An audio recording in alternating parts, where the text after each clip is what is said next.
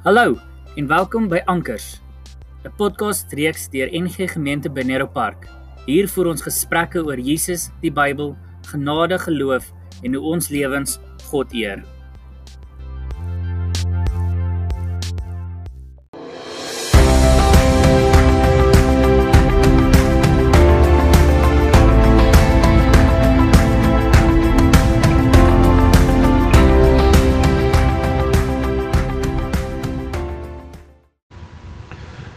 Goeiemôre. Dit is 31 Desember 2020, die laaste dag van 'n baie onstuimige jaar. Vir baie mense 'n baie slegte jaar. Die meeste van ons 'n de mekaar jaar. Maar hier staan ons en ons is by die laaste dag van die jaar. En eintlik is dit maar net 'n dag soos gister. Dit is 'n dag soos wat môre gaan wees eintlik nie 'n verskil nie, maar dis net 'n kalenderinskrywing wat 'n mens in jou kop of in jou gemoed of waar ook al sommer net sê, "Sjoe. Die een is verby. Kom ons pak die volgende een." En ek wil vir oggend sommer net 'n ou bekende gedeelte lees en dan wil ek 'n paar dinge daaroor sê. Die gedeelte wat ek wil lees is die laaste deel van die bergpredikasie. Ons weet die bergpredikasie is Matteus 5, 6 en 7 wat Jesus se uh, langste preek is as jy dit so wil stel. En dit is die gedeelte wat gaan oor die huise wat op die twee fondasies, verskillende soorte fondasies gebou is. So Jesus is in die woord, ek lees uit die Nuwe Lewende Vertaling uit. En hy sê elkeen wat na my woorde luister en daarvolgens handel, is soos 'n verstandige persoon wie se huis op soliede rots gebou is. Al val daar 'n stort by en al kom die vloedwater af en al woed daar stormwinde teen die huis, sal dit nie in mekaar stort nie, want sy fondamente stewig op die rots vas. Maar elkeen wat na my woorde luister en dit nie doen nie, sal wees soos 'n dwaas wie se huis op die sand gebou is.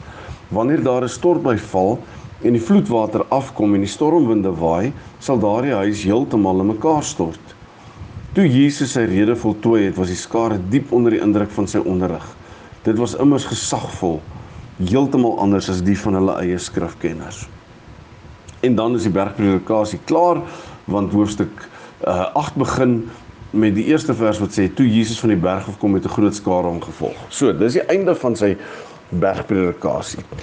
Die stortby waarvan ons hier lees is natuurlik die oordeel, die dag wanneer ons sterf of wanneer Jesus weer kom, wanneer dit ook al is, maar dit gaan oor die oordeel.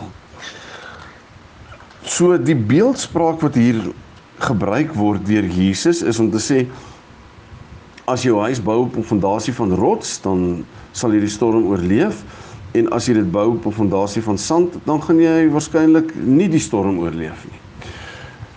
Ek wil dieselfde beeld gebruik om te praat van of of om te praat sommer net 'n paar gedagtes te deel rondom die fondasie van ons geloof streep godsdiens wil ek amper sê. Ons geloofshuise en ek weet dit is nie wat Jesus hier bedoel het nie want syne gaan oor op die beginsels wat hy geleer het en so aan maar dit sluit daarbey aan. Die beginsels waarvolgens ons ons geloof bou of die fondasie, kom ek stel dit so, die fondasie waarop ons ons geloof bou, ons verhouding met God, ons godsdiens kan of op 'n fondasie van rots of klip wees of dit kan op sand wees. So wanneer dit dan gebeur, wanneer die storms van die lewe, nê, wanneer COVID gebeur, wanneer teleurstellings gebeur, wanneer daar dood is, wanneer daar siekte is, wanneer daar werksverlies is of wat ook al, dan gaan ons geloofshuis daardie storm wat ons ervaar oorleef of nie oorleef ons geloof nê ons geloof gaan dit oorleef of nie oorleef op grond van die fondasie waarop ons ons geloof bou het. Ek het al baie keer mense gesien wat hierdie stickers op hulle karre het wat sê my kar word beskerm ek kan nie onthou wat se psalm nie psalm 90 of 91 of wat ook al. Jy weet, ek het al met mense gepraat wat sê ehm um, hulle het nie alarmstelsel by hulle huis nie want die Here beskerm hulle beskerm hulle huis en al sulke goederes, maar hulle het versekerings en hulle pensioen en al sulke goederes. So hoekom maak die hoekom vertrou hulle dan die Here vir dit ook nie? So en dan wanneer so 'n persoon se kar gesteel word, byvoorbeeld, dieselfde een wat deur hierdie Psalm beskerm word, dan is daai ou se geloofshuis in mekaar in. Want die Here het my nou nie beskerm nie.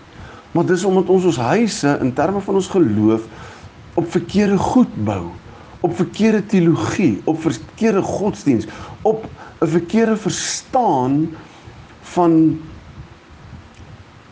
God se ja, ek wil nou nie sê doel nie, maar se werk of of verhouding in ons lewens.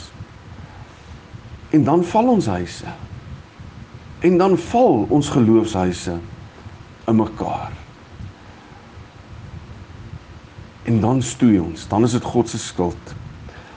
Ek praat 'n ruk terug met iemand wat vir my wat sommer net met my deel oor teleurstelling wat hulle kind gehad het. Um in hulle kind se lewe. En toe se hulle kind baie baie kwaad vir God. Want hoekom het God dit of dat gedoen?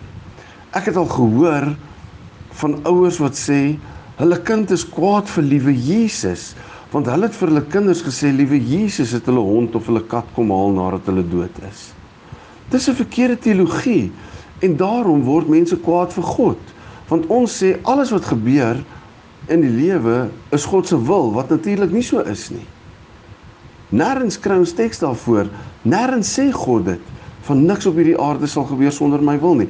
En dan as daar iets gebeur wat ons bietjie onkant vang, dan is ons kwaad vir God, want hoekom het hy dit gedoen? Want as ons sou sê alles wat in die wêreld gebeur is God se wil, dan moet ek sê die sondeval is ook sy wil. Want niks gebeur sonder sy wil nie. Die feit dat mense vermoor word, is God se wil. Die feit dat mense verkragt word, is God se wil. En dan wanneer ons glo dat niks gebeur sonder dat dit God se wil is nie, dan bou ons ons huis op 'n op 'n verkeerde fondasie ook in terme van ons geloof. Want dan word ons kwaad vir God wanneer goed skeefloop, wanneer COVID gebeur. Want ons het geglo en daar's vir ons gesê niks gebeur sonder God se wil nie.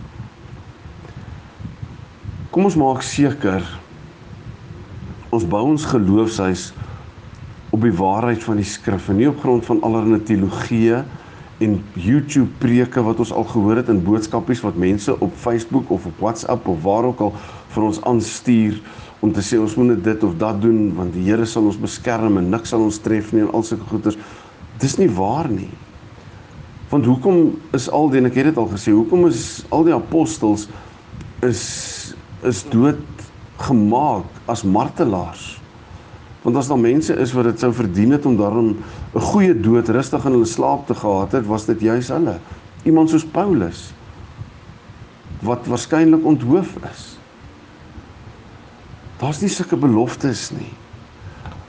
Daar's mense wat ateëste geword het as gevolg van verkeerde teologie, verkeerde verstaan oor God se rol in ons lewens en ons hulle kwaad vir God wanneer goed skeefloop.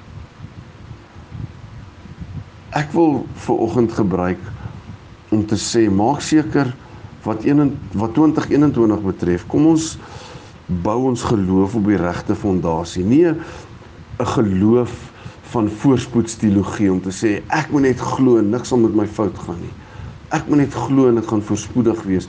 Ek moet dit net ek moet dit net name want daar's baie mense wat glo name it and it will happen of name it and you will have it of iets van die aard wat natuurlik glad nie waar is nie. Kom ons maak seker ons bou ons geloof op Jesus Christus as die van 'n die dienskneg. Iemand wat die Here wil dien, nie 'n vals teologie nie, nie 'n verkeerde teologie nie, maar dat ons sê ek glo in God drie enig. En dat goed met ons kan skeefloop. Ons kan selfs in die nuwe jaar die dood in die oë staar. Ons kan dalk dodelik siek word. Maar dan is dit nie God se skuld nie. Die lewe gebeur en die lewe gaan aan. Kom ons byt vas. Ehm um, ek gaan vanaand 'n bietjie meer daaroor uitbrei met ons ehm um, erediens wat ons op Facebook gaan hê.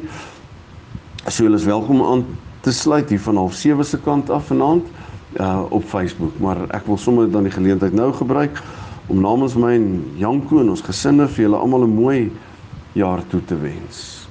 Ehm um, 'n beter jaar as 2020, maar ons weet nie wat vir ons voorlê nie. Ons weet nie. Bly net naby aan God. Kom ons bid saam. Hemelse Vader, dankie dat U altyd by ons was.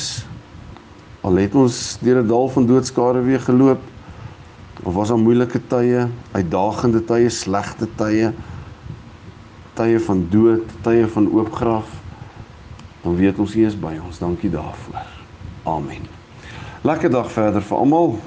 Ehm um, ja, ons gesels vanaand verder op Facebook. Totsiens.